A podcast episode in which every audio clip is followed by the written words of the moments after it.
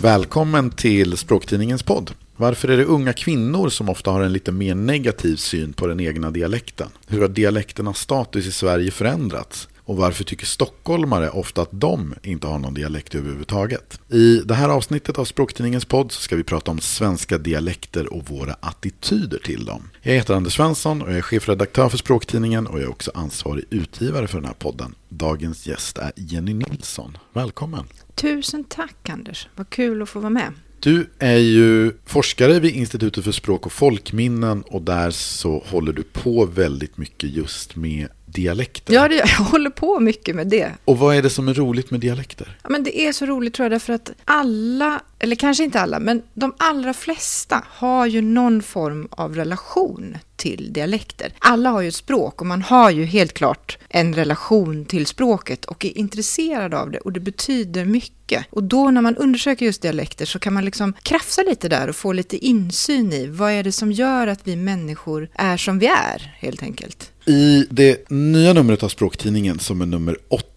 2023 så har vi i samarbete med Novus undersökt svenskarnas attityder till dialekter. I det här avsnittet så ska vi då prata lite om den här undersökningen men vi ska också gå in lite på din forskning. Men innan dess då, i den här undersökningen så är det 57% som svarar att de gillar sin dialekt och det är bara 6% som säger att de ogillar den. Det här resultatet, är det någonting som överraskar dig? Nej, ingenting överraskar mig när det gäller folks attityder till dialekter längre. Nej, men vad skönt är att det inte är tvärtom. Därför att det hade ju varit hemskt faktiskt om, om man kände så. Om vi hade ställt motsvarande fråga på säg 40-talet, 50-talet. Hur tror du att folk hade svarat då? Hade svaren sett annorlunda ut jämfört med idag? Ja, jag tror faktiskt det. Jag tror att fler tyvärr hade svarat att de var negativa, att de ogillade den. Därför att skolpolitiken i Sverige såg annorlunda ut. Man hade en bild av att barn i skolan skulle lära sig att tala en slags standardsvenska eller en rikssvenska som gjorde att man inte hörde så väl varifrån de kom. Och jag tror att många får rätt illa av det faktiskt, att man blev liksom påtvingad ett språk som inte var ens eget. Och med det följde säkert en massa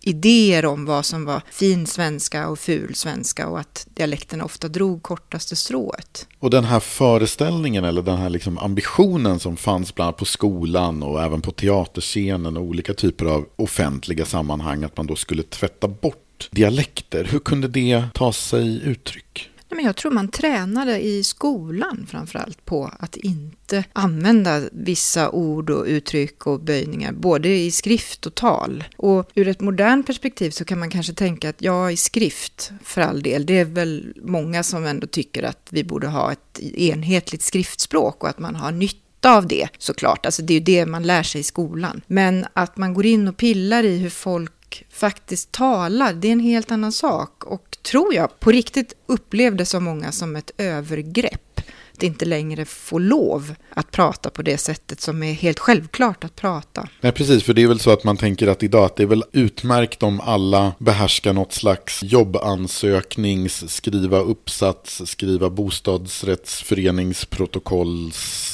svenska. Att det är bra om man har tillgång till något slags neutral, neutralt register eller vad man ska kalla det för i sitt skriftspråk. Det tror jag och det tror jag de flesta ändå kan skriva under på att just som du säger, ett register är bra att ha. Och det kan säkert vara många som fortfarande idag tänker att även i tal så är det klart att det kan finnas fördelar med att ha ett register. I vissa situationer vill vi prata på ett sätt och i andra situationer på ett annat. Kanske inte jag sitter här och svär jätte jättemycket nu till exempel. Men att man skulle gå in just och pilla i dialekterna, det vet jag inte att någon skulle göra idag. Och det tycker jag är bra man låter folk ändå ha ansvar för sin egen repertoar mer helt enkelt. Även om det då är en klar majoritet som svarar att de gillar sin egen dialekt, som sagt 57 procent, och så är det då bara 6 procent som säger att de ogillar dialekten. Men en grupp som sticker ut här, det är unga kvinnor, kvinnor i åldern 18 till 34 år. Där är det 14 procent som säger att de ogillar den egna dialekten. Så det är mer än dubbelt så vanligt i den här gruppen som sett till snittet för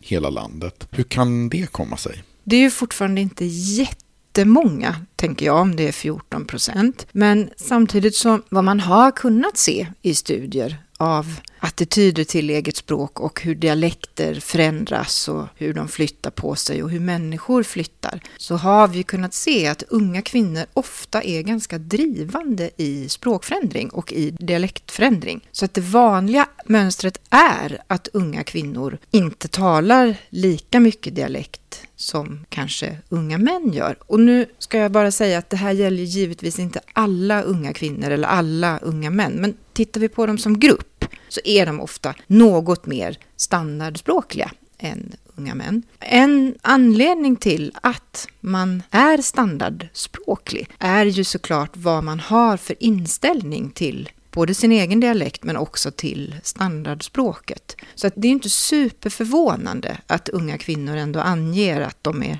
något mindre positiva. Och hur kommer det sig då att kanske kvinnor oftare strävar mot en slags standard? Ja, det man har kunnat se, nu kan jag inte gå in och säga liksom hur, att det skulle vara liksom det kvinnliga psyket eller manliga psyket, det tror jag inte alls, utan det vi har kunnat se är att de som också anger att de gärna i framtiden skulle vilja flytta från en ort är också ofta mer standardspråkliga. Och det är ju möjligt att de här unga kvinnorna är mer flyttbenägna. Många av dem kanske planerar att flytta till en storstad och plugga där eller jobba där eller så. Ja, för de unga kvinnorna de sticker ut på ett annat sätt i den här undersökningen också. Att i landet som helhet så är det 90 19 procent, alltså var femte, som svarar att de själva inte har någon dialekt. Bland stockholmare så är det lite fler, det är 24 procent som säger nej, jag har ingen dialekt. Bland kvinnor då i åldern 18 till 34 år så är det hela 34 procent som svarar att de inte har någon dialekt. Kan det vara då en tänkbar förklaring att det pågår en slags dialekttvätt? Men absolut. Nej, men det skulle visst kunna vara så att de inte har det så mycket. Och att man svarar så i Stockholmsområdet är ju inte heller så jättekonstigt därför att i Mälardalen så är det ju ändå ett normcenter för svenskt talspråk så att man tänker sig nog att det är rätt så standardspråkligt i området. Men sen är det också så att ganska många människor är ju inte heller helt medvetna om precis hur mycket dialekt man talar. Och det beror ju också på vem man talar med eller i vilket sammanhang man hamnar.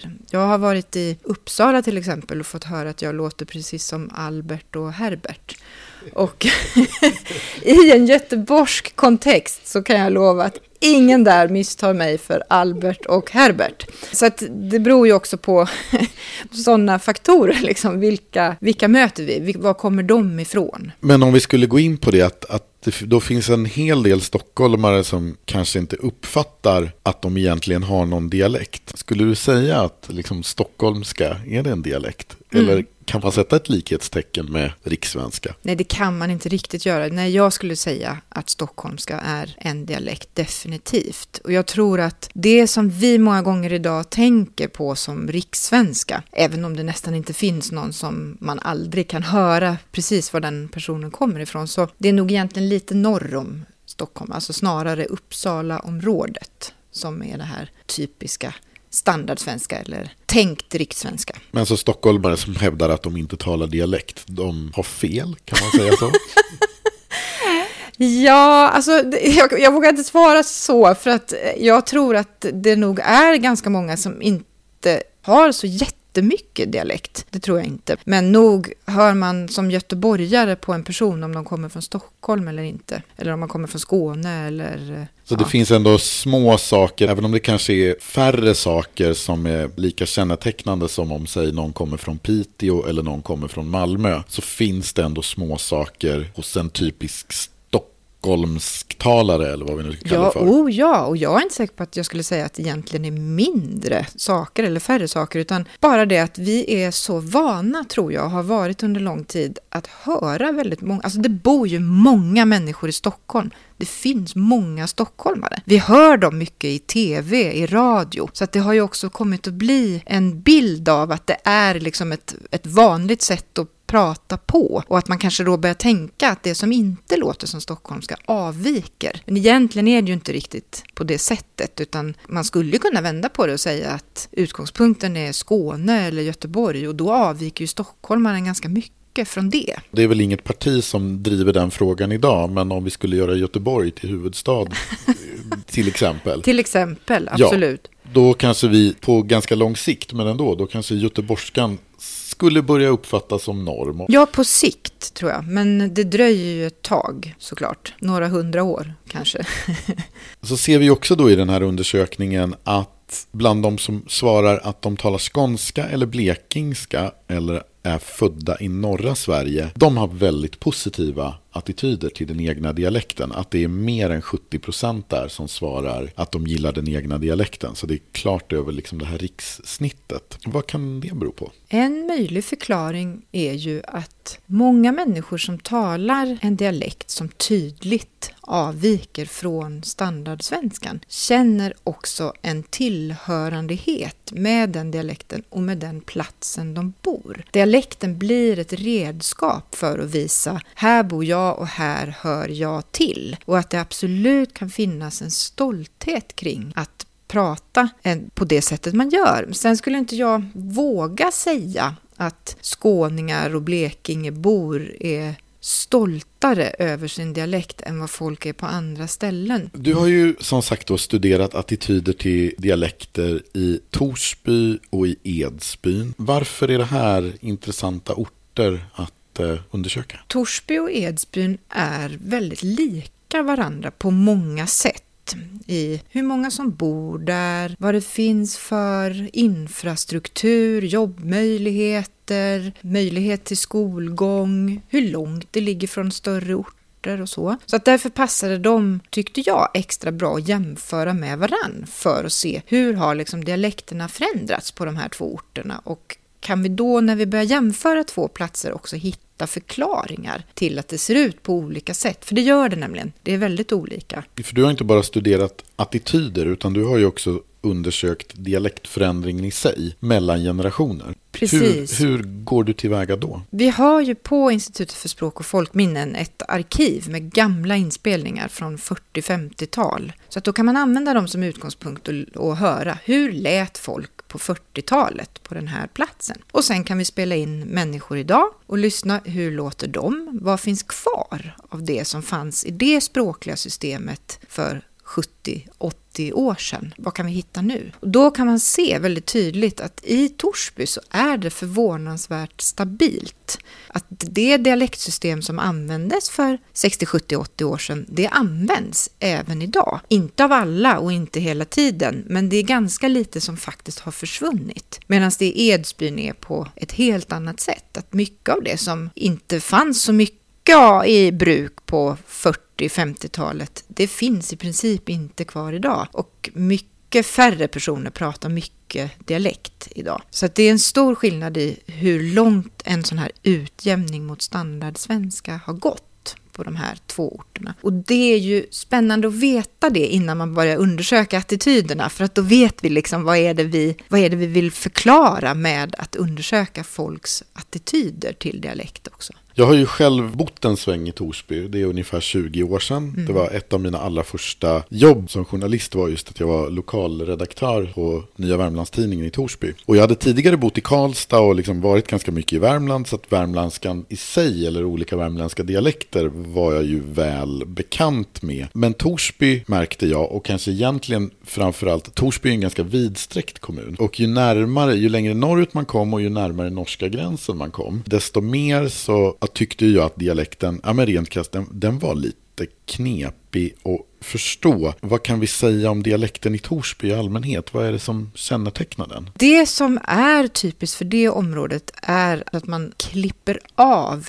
ändelsen på verb och substantiv men även adverb och adjektiv ibland. Så vänta blir vänt eller till och med att man nästan reduplicerar vokalen i mitten och förlänger den så att det blir vänt. Och det skiljer sig mycket mycket från den svenska som du då är uppvuxen med, Anders. Ja, och som du själv talar. Och det där är ett drag som fortfarande är högst levande, mm. även bland unga personer. Och det gör ju att det, det skiljer sig mycket från standardsvenska. Och sen är det, det finns ett 50-tal språkdrag som används i Torsby. Och en del av dem är gemensamma för liksom ett större område eller finns i många svenska dialekter. Och andra är mer typiska för liksom precis det här området. Men om vi jämför då med under motsvarande period, mm. hur har dialekten i Edsbyn förändrats? Den har förändrats så att vissa drag som ändå fanns för hundra år sedan ganska mycket.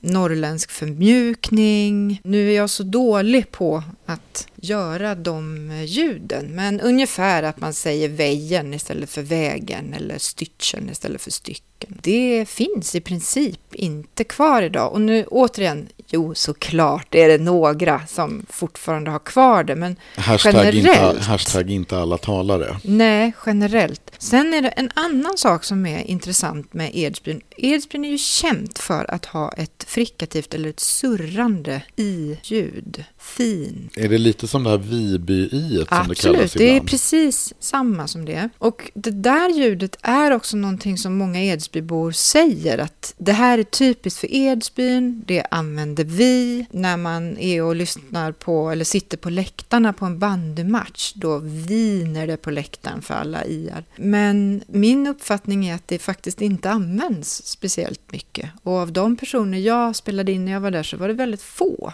som faktiskt hade kvar det där draget. Så att självbilden av iandet finns kvar, men det kanske inte finns kvar i verkliga livet så jättemycket, just det språkdraget. Så att det har förändrats mycket i Edsbyn. Och man kan säga lite grann att på sätt och vis har också storstan nått Edsbyn mer än vad du har gjort i Torsby. Därför att en del sådana här eh, innovationer eller nya språkdrag som vi kan hitta, dels på många ställen i Sverige, alltså som att öppnandet av långt ö och ä, så att man säger föl och häl istället för föl och häl. Eller ett det här korta u-haltiga ö-ljudet, så att fönster istället för fönster. Det har liksom börjat dyka upp i Edsbyn också. Men även faktiskt språkdrag som nog oftast är förknippat med ung stockholmska, eller liksom nästan som en stockholmsk youtuber-generation. Att man säger, istället för säger och grejer så heter det sier och grier. Och det hittar vi också bland en del yngre kvinnor i Edsbyn idag. Så det har liksom börjat flytta in i Edsbyn. Men i Torsby finns inga tecken på att storstan har börjat flytta dit än så länge. Liksom. Nu blir ju det här kanske bara en gissning, men jag vet att en annan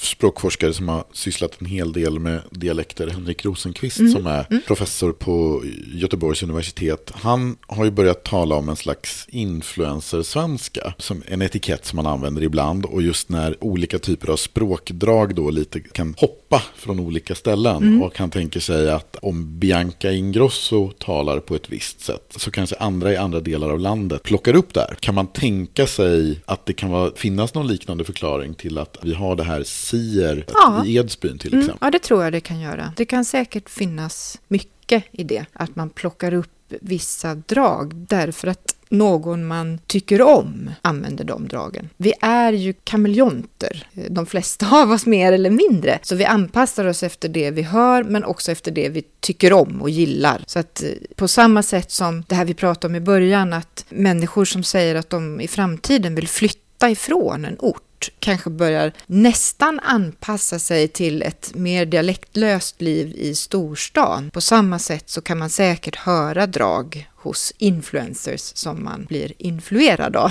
helt enkelt så att man börjar använda dem. Och ser man någonting sånt i Torsby då eller är det liksom, finns det i Edsbyn fler som är på något sätt lite storstadstillvända än vad det är i Torsby? Ja, jag tror det. I och för sig så är det ju ändå en hel del personer som säger att de visst kan tänka sig att flytta ifrån Torsby. Många av dem säger att de gärna flyttar tillbaka. De kan åka och studera på en annan ort eller jobba en period, men att de nog återvänder. Men jag tror att en viktig del som har att göra med attityden till den egna dialekten är att i Edsbyn, det är ingen där som jag har pratat med som säger att de hatar sin egen dialekt eller att de inte tycker det är fint, utan de tycker det är fint. Men det är nästan lite charmigt och gulligt. Och att prata dialekt det är ett möjligt val man kan göra. Så man kan tänka sig att dialekten ses nästan som ett kulturarv. Det är bra med dialekt och det kan man använda, men man måste inte göra det. Och det finns andra kulturarv där som hälsingegårdar och bandy och så som också har betydelse. Men för Torsbyborna så verkar det i många fall som om dialekten är väldigt central del i att visa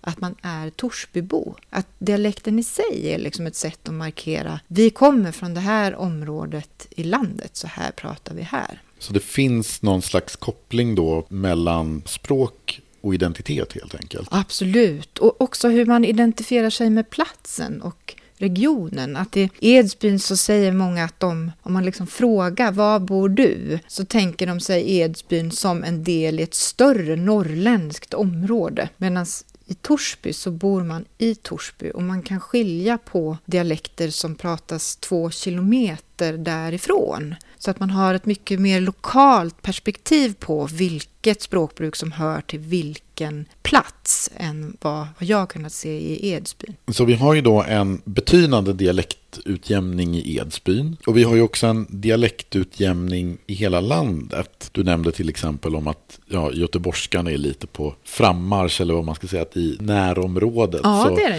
Där Ja. man tidigare kanske talade bohuslänska eller halländska så är det snarare ja, Absolut. en övergång till göteborgska. Och det är ju ett lite annat fenomen egentligen än dialektutjämning. För då tänker vi oss i allmänhet att det utjämnas mot standardsvenskan. Så att det försvinner dialektdrag. Men det här är mer liksom som någon slags göteborgsk imperialism. Att Göteborgskan tar över och fler och fler pratar göteborgska. Så kan det vara som att göteborgskan är på väg att bli en mer liksom allmän västsvenska eller finns det någon sån tendens? Ja, det gör det. Men den har gränser.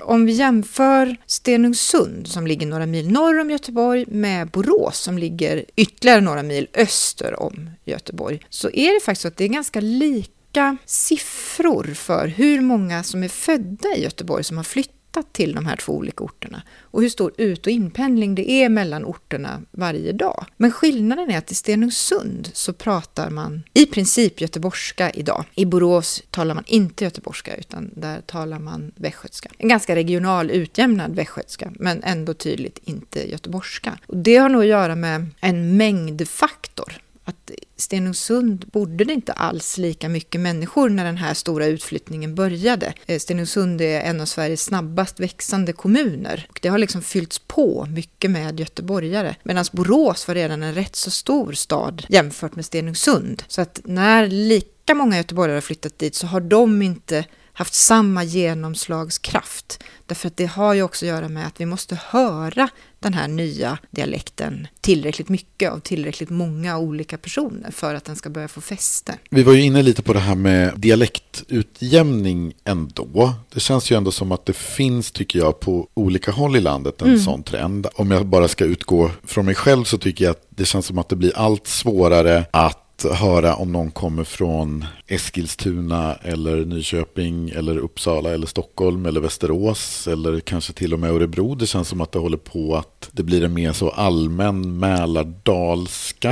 Kan man tänka, finns det en sån tendens? Ja, det kan vi absolut säga att det gör. Svenska dialekter blir mycket mer lika varandra. Och då är följdfrågan, kommer alla svenska dialekter att bli helt lika varandra i framtiden? Ja, det är ju följdfrågan förstås. Ja, nej jag tror faktiskt inte det. Om vi tittar ur ett långt språkhistoriskt perspektiv så är svenska dialekter som vi känner dem idag dödsdömda. Därför att går vi bara några hundra år tillbaka i tiden så har ju de dialekterna i den formen i princip dött ut för att vi pratar så annorlunda över hundraåriga tidsintervall. Men jag tror inte att alla i Sverige kommer att prata likadant. Därför att språket och dialekterna har ändå funktionen att visa varifrån vi kommer och är en del av många människors egen identitet. Så att det tror jag är ett starkt vägande skäl till att vi kommer att ha dialektala skillnader även i framtiden. För en sak som kanske inte är